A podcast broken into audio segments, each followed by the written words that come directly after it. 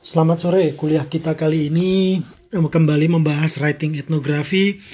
Langsung saja kita menuju ke bab eh, 23 dengan judul On Sounding Smart.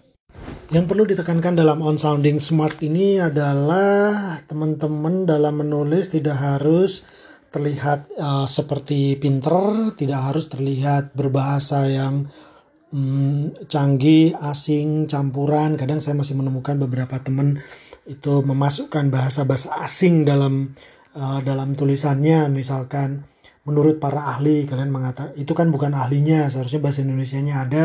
Terus karena ingin terlihat lebih uh, gaul, kekinian atau sounding smart, maka kalian hanya menambahkan expert gitu. Itu kan bukan expertnya. Jadi kalian bisa masukkan tulis saja yang berbahasa Indonesia. Em, yang ingin ditekankan di sini adalah kalian dalam menulis tidak perlu memberi pesan bahu dengan kalimat-kalimat yang rumit, kalimat-kalimat asing, kalimat-kalimat yang bernuansa jargon atau berbahasa yang eh, daki-daki ya, daki-daki itu yang terlalu tinggi dan lain sebagainya. Karena nanti hal itu akan mem- eh, me- m- kalian akan membuat target pasar kalian menyempit atau eh, tulisan kalian tidak akan selesai dibaca oleh eh, pembaca. Kenapa eh, saya mengatakan ini? Karena asumsi yang banyak terjadi di beberapa penulis adalah mereka cenderung eh, menyampaikan tulisan dengan cara yang rumit. Jadi asumsi mereka bahwa seolah-olah jika pembaca tidak paham about the big words atau kalimat-kalimat yang besar yang susah itu menunjukkan kecerdasan dia. Ini asumsinya rata-rata. Jadi seolah-olah kalau ngomongnya atau nulisnya makin rumit, makin tinggi, seolah-olah itu dia udah smart. Padahal sebaliknya, itu menunjukkan dia masih awam atau masih awal. Kalau kalian perhatikan penulis-penulis yang sudah tahu sekali dengan uh, bidangnya, penulis-penulis yang ahli, penulis-penulis yang makin mateng, dia justru menyampaikan dengan bahasa yang mudah dipahami oleh khalayak. Saya kasih contoh misalkan ada satu penulis namanya Siddhartha Mukherjee. Dia menulis tentang gen. Uh, Gen itu adalah unsur uh, unit terkecil yang membentuk kita saat ini, sel terkecil yang membentuk kita saat ini. Gen, studi gen itu tidak mudah, eh, bahasanya sangat penuh dengan biologi, kromosom, DNA dan lain sebagainya. Tapi karena Siddhartha ini adalah penulis yang bagus dan dia sudah sangat ahli dalam eh, keilmuan bidang bidang gen, dia ahli kimia, maka dia bisa membahasakan dengan sangat mudah dipahami oleh pembaca. Jadi semakin seseorang eh, ahli, semakin dia menyampaikan bisa menyampaikan dengan sangat sangat mudah dipahami oleh khalayak.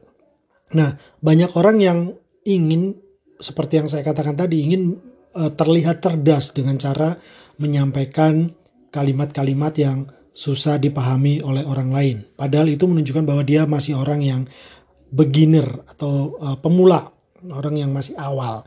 Jadi hindari kalimat-kalimat yang jargon. Misalkan kapitalisme, struktur sosial, terus ada banyak ya, eh, ada banyak ada banyak konsep, ada banyak bahasa yang itu adalah bahasa-bahasa jargon yang kalau kalian menulis kalian akan menyeleksi eh, pembaca ke lebih sedikit jika kalian menulis untuk itu.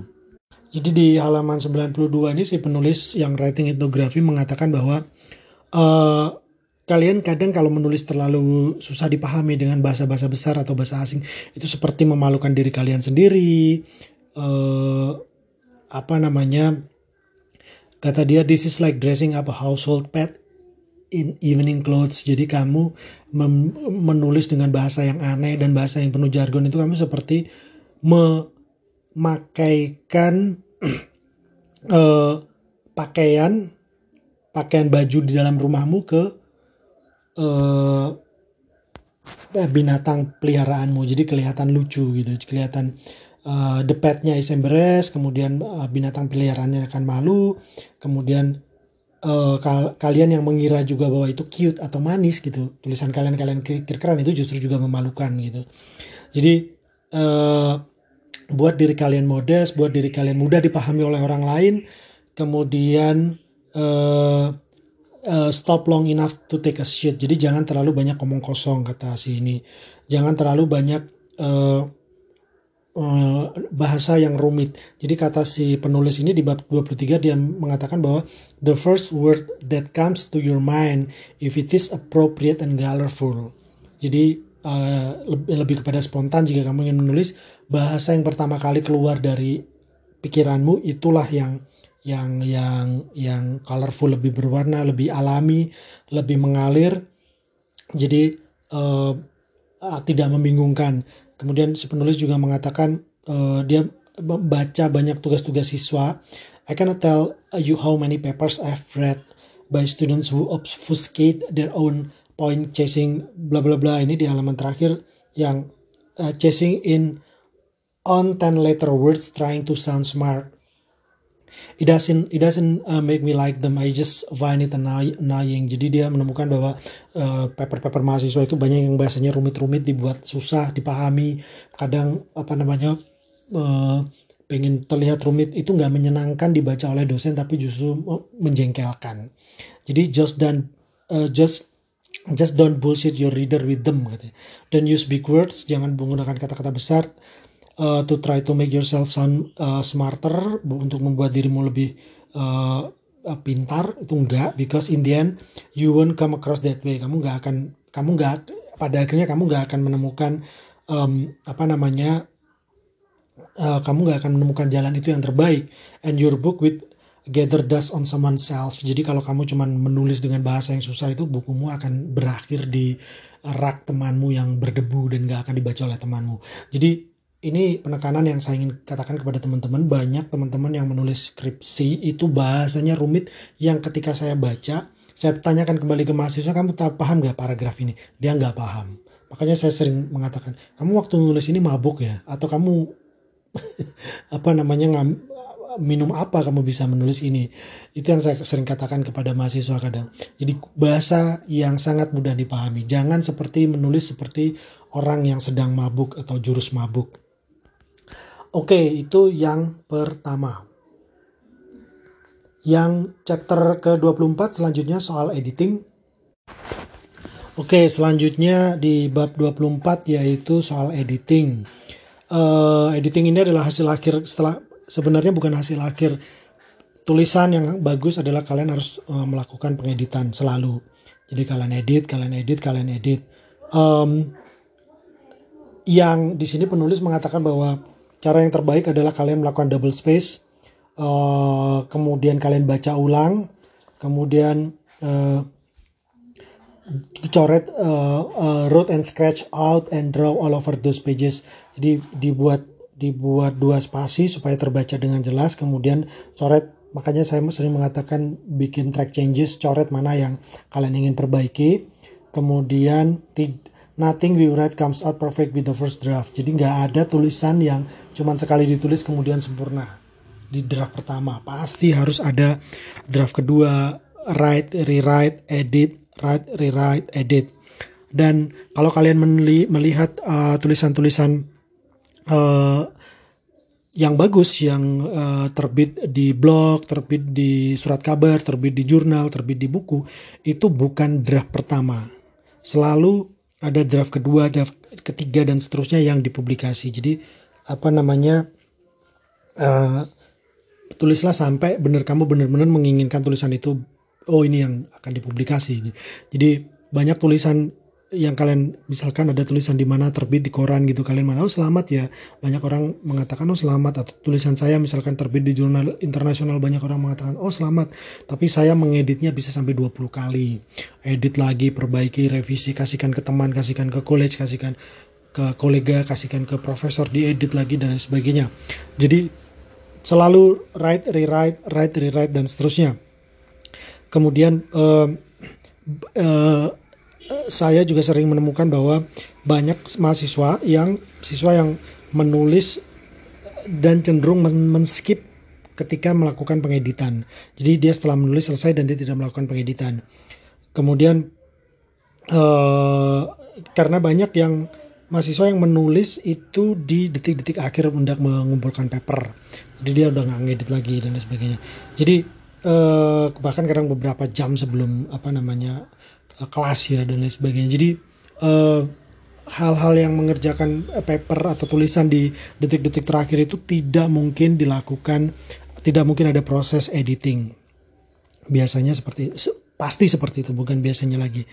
Kemudian uh, uh, di sini di buku ini dia juga mengatakan bahwa edit better on paper than on a screen. Jadi mengedit itu jauh lebih baik di kertas daripada di screen. Kadang saya kalau mahasiswa skripsi saya sering meminta mereka untuk memprintnya kemudian me, meng, mengedit dalam uh, dalam bentuk kertas. Meskipun kadang untuk kalau untuk hemat sih mau agak susah memang harus dilihat di paper. Kalau beberapa teman juga um, uh, sudah tidak punya biaya lagi untuk me, meng, apa memprintkan tulisan dia tapi kadang saya mengharuskan itu jadi untuk mengecek tulisan kalian jadi memang ketika membaca di monitor itu uh, kadang apa yang ingin kita tulis itu benar-benar bukan yang ya, kita tulis.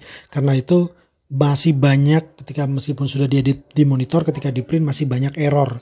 Jadi uh, cara terbaik untuk melakukan pengeditan itu adalah uh, print out the document and then start to come through it apa tuh mulai menyisir ya to come through to come through it. Jadi disisir gitu.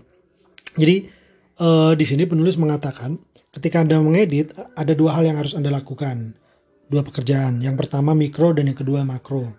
Kemudian ini uh, memerlukan beberapa uh, beberapa kali pekerjaan. Di mikro misalkan seperti yang saya katakan kemarin ada enam unsur uh, edit a grammar, kalimat harus pas, harus aktif, gak boleh pasif. Uh, perhatikan di bisa disambung, terus kemudian uh, banyak itu ada enam unsur kalian perhatikan, kemudian huruf besar, huruf kecil, itu hal-hal yang uh, micro edit ya.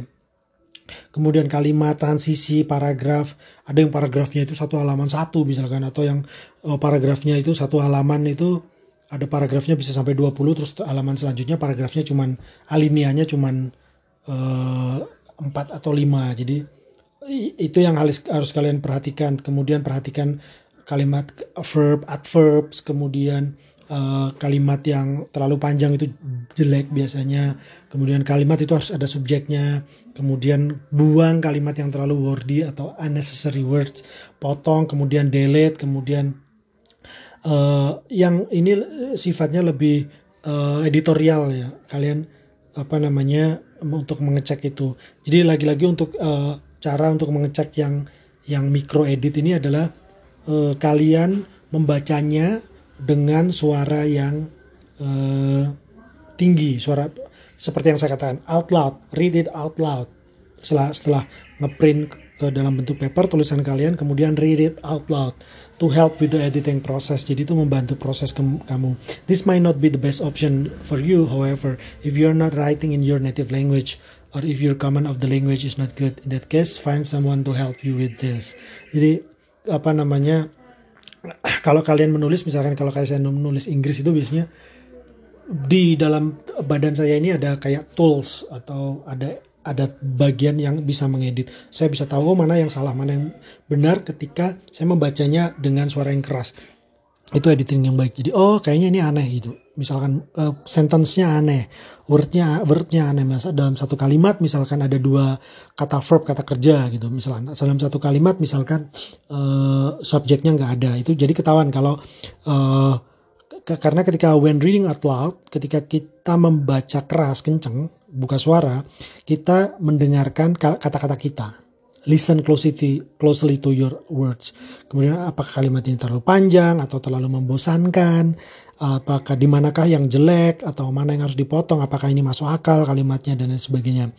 Um, jadi kalian bisa menemukan kalimat-kalimat yang awkward atau yang yang ganjil dengan mem, me, uh, by reading them out loud dengan membacanya kenceng-kenceng. jika kali jika waktu kamu baca gitu tiba-tiba uh, your tongue get uh, tight tiba-tiba terpotong gitu uh, I know jadi itu menunjukkan bahwa ada yang perlu kalian perbaiki gitu seperti itu nah kemudian uh, yang uh, kedua adalah macro job tadi micro job editing macro job itu adalah memperhatikan keseluruhan struktur logika flow of the pieces jadi aliran-aliran kalimat paragraf-paragraf dan yang kalian ingat makro editing ini kalau kalian masih ingat beberapa minggu lalu yaitu uh, story arch. Nah, itu itu salah satunya untuk melakukan makro editing. Jadi misalkan oh ini mana yang puncaknya ini. Jangan yang misalkan story arch yang udah konflik ditaruh di eh, yang konflik puncak konflik ditaruh di terlalu akhir atau terlalu awal misalkan itu makro edit. Jadi seperti itu. Jadi map your manuscript. Jadi lihat outline-nya uh, mana yang perlu dipindah. Oh ini kayaknya dipindah ke bab ini atau dipindah ke bagian ini dan lain sebagainya. Kemudian apa namanya perhatikan secara uh, garis besar yang ada di situ, uh, yang ada di dalam manuskrip itu. Jadi overall setelah kita melihat mikro dan makro, menulis itu bukan sesuatu proses linear. Jadi dari A, B, C, D, E, kemudian selesai, F, G, H, selesai. Tapi dia harus A, B, C, D, terus mundur lagi ke A. A, B, terus C-nya dipindah, oh C-nya pindah ke J. Terus D, E, F, G, H, I, J, K, L, M, N, O, P, Q, R. Oh, T-nya pindah ke B. Jadi dia maju mundur. Itu bukan, itu proses yang non-linear. Karena itu sangat penting untuk melihat struktur dan merearrange atau mengatur ulang tulisan-tulisan kita. Misalkan per, per paragraf, per bab dan lain sebagainya. Ya, untung kita sudah menemukan um, apa namanya satu teknologi baru yang disebut sebagai copy and paste, paste. Jadi kita kalau sudah nulis kita nemu copy paste mana yang harus di copy dipindahkan mana yang harus di paste di cut terus dipindahkan lagi. Jadi itu salah satu tujuan dari ditemukannya copy and paste. Bukan kemudian kali copy, kalian mengahan cuma mengambil copy and paste dari internet which is not good. Bukan itu tujuannya.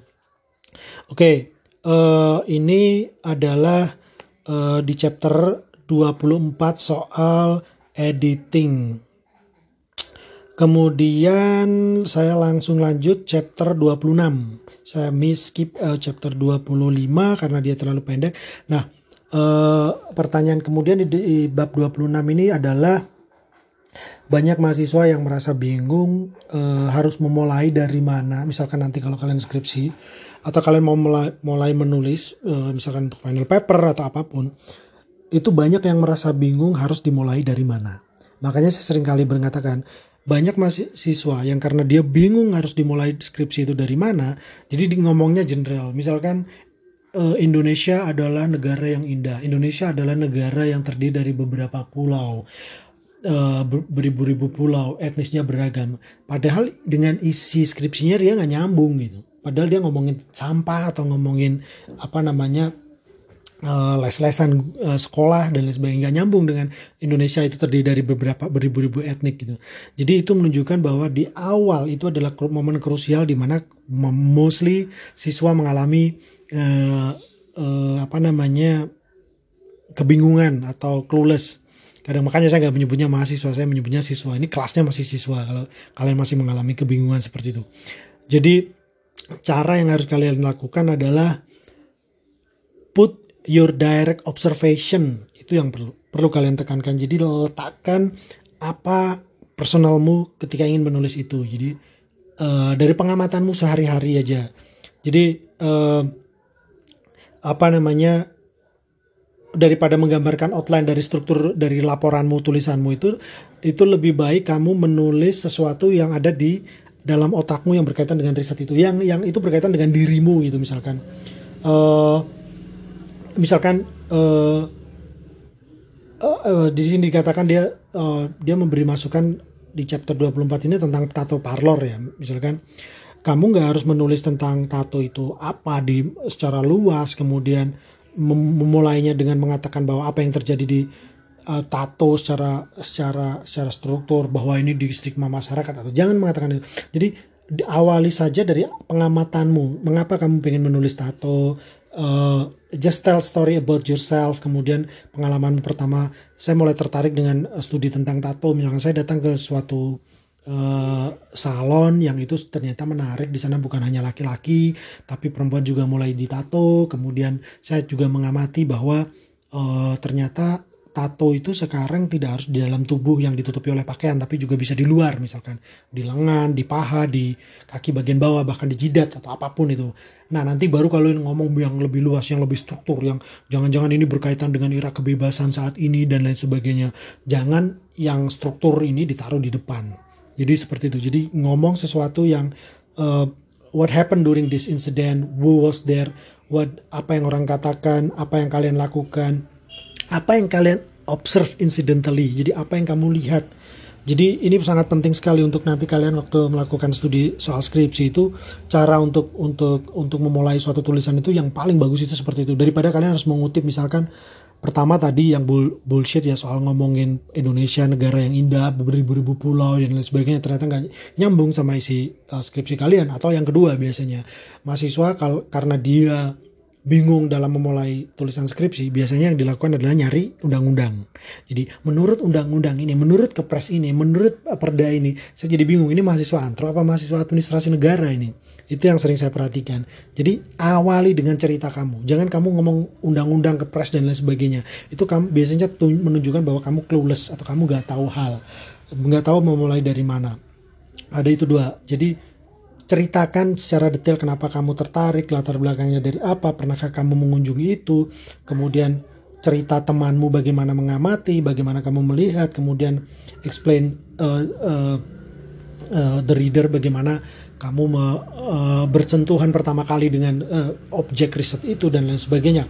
Yang nanti dari pengamatan-pengamatan kamu itu harapannya terakhir baru bisa ngomongin secara luas soal teori, soal apa namanya, soal hal-hal yang uh, lebih besar yang struktural yang yang yang yang yang apa namanya itu beyond dari pengamatan kamu. Ya misalkan kamu bisa bicara soal negara kemudian masyarakat struktur sosial dan lain sebagainya. Kapitalisme pasar global dan lain sebagainya. Baru kamu bilang bisa bicara soal itu. Jangan yang struktur yang kayak gini yang luas-luas gini ditaruh di depan. Tapi mulailah sesuatu dari awal tulisan itu dari yang kamu amati. Maka di dalam antropologi saya selalu menekankan ada satu uh, satu kok ada dua konsep yang sering mulai saya tekankan. Yang pertama adalah direct observation. Jadi kalau menulis skripsi, menulis tulisan itu apa yang kamu amati, apa yang kamu lihat. Pertama, direct observation. Jangan kamu nyari di internet dulu, jangan. Jangan kamu ngutip apa kitab-kitab undang-undang copy paste dari Bapeda atau dari kota kantor kota madya yang di PDF yang kalian temukan di internet jangan yang kalian lakukan adalah direct observasi observasi langsung dari pengamatan kalian atau pengalaman kalian yang kalian lihat dengan mata kepala kalian dengan mata kalian. Kalian dengarkan dengan hidung kalian itu direct observation. Dan yang kedua kalian harus punya sensibilities atau kepekaan. Nah, dua ini, direct observation dan sensibilities ini menolong kalian untuk mengawali sebuah tulisan yang bagus kepekaan terhadap daerah sekitar, kepekaan untuk ingin bertanya kenapa ini kok begini, kenapa kok nggak begitu, kepekaan terhadap perubahan yang ada di sekitar, kepekaan terhadap apa yang kalian lihat, kepekaan terhadap hal hal-hal yang tidak biasa bagi kalian atau hal-hal yang ingin kalian uh, pertanyakan, hal-hal yang membuat kalian gusar, restless, gundah, penasaran dan lain sebagainya, dimulai dari situ, dimulai dari pertanyaan dalam diri kalian, bukan dari internet copy paste yang tidak bertanggung jawab. Baiklah demikian kelas kita uh, writing etnografi, menulis etnografi. Uh, saya membahas ada tiga bab, yaitu bab 23, 24, dan 26. Tugasnya akan saya tulis melalui email. Terima kasih, selamat mengerjakan.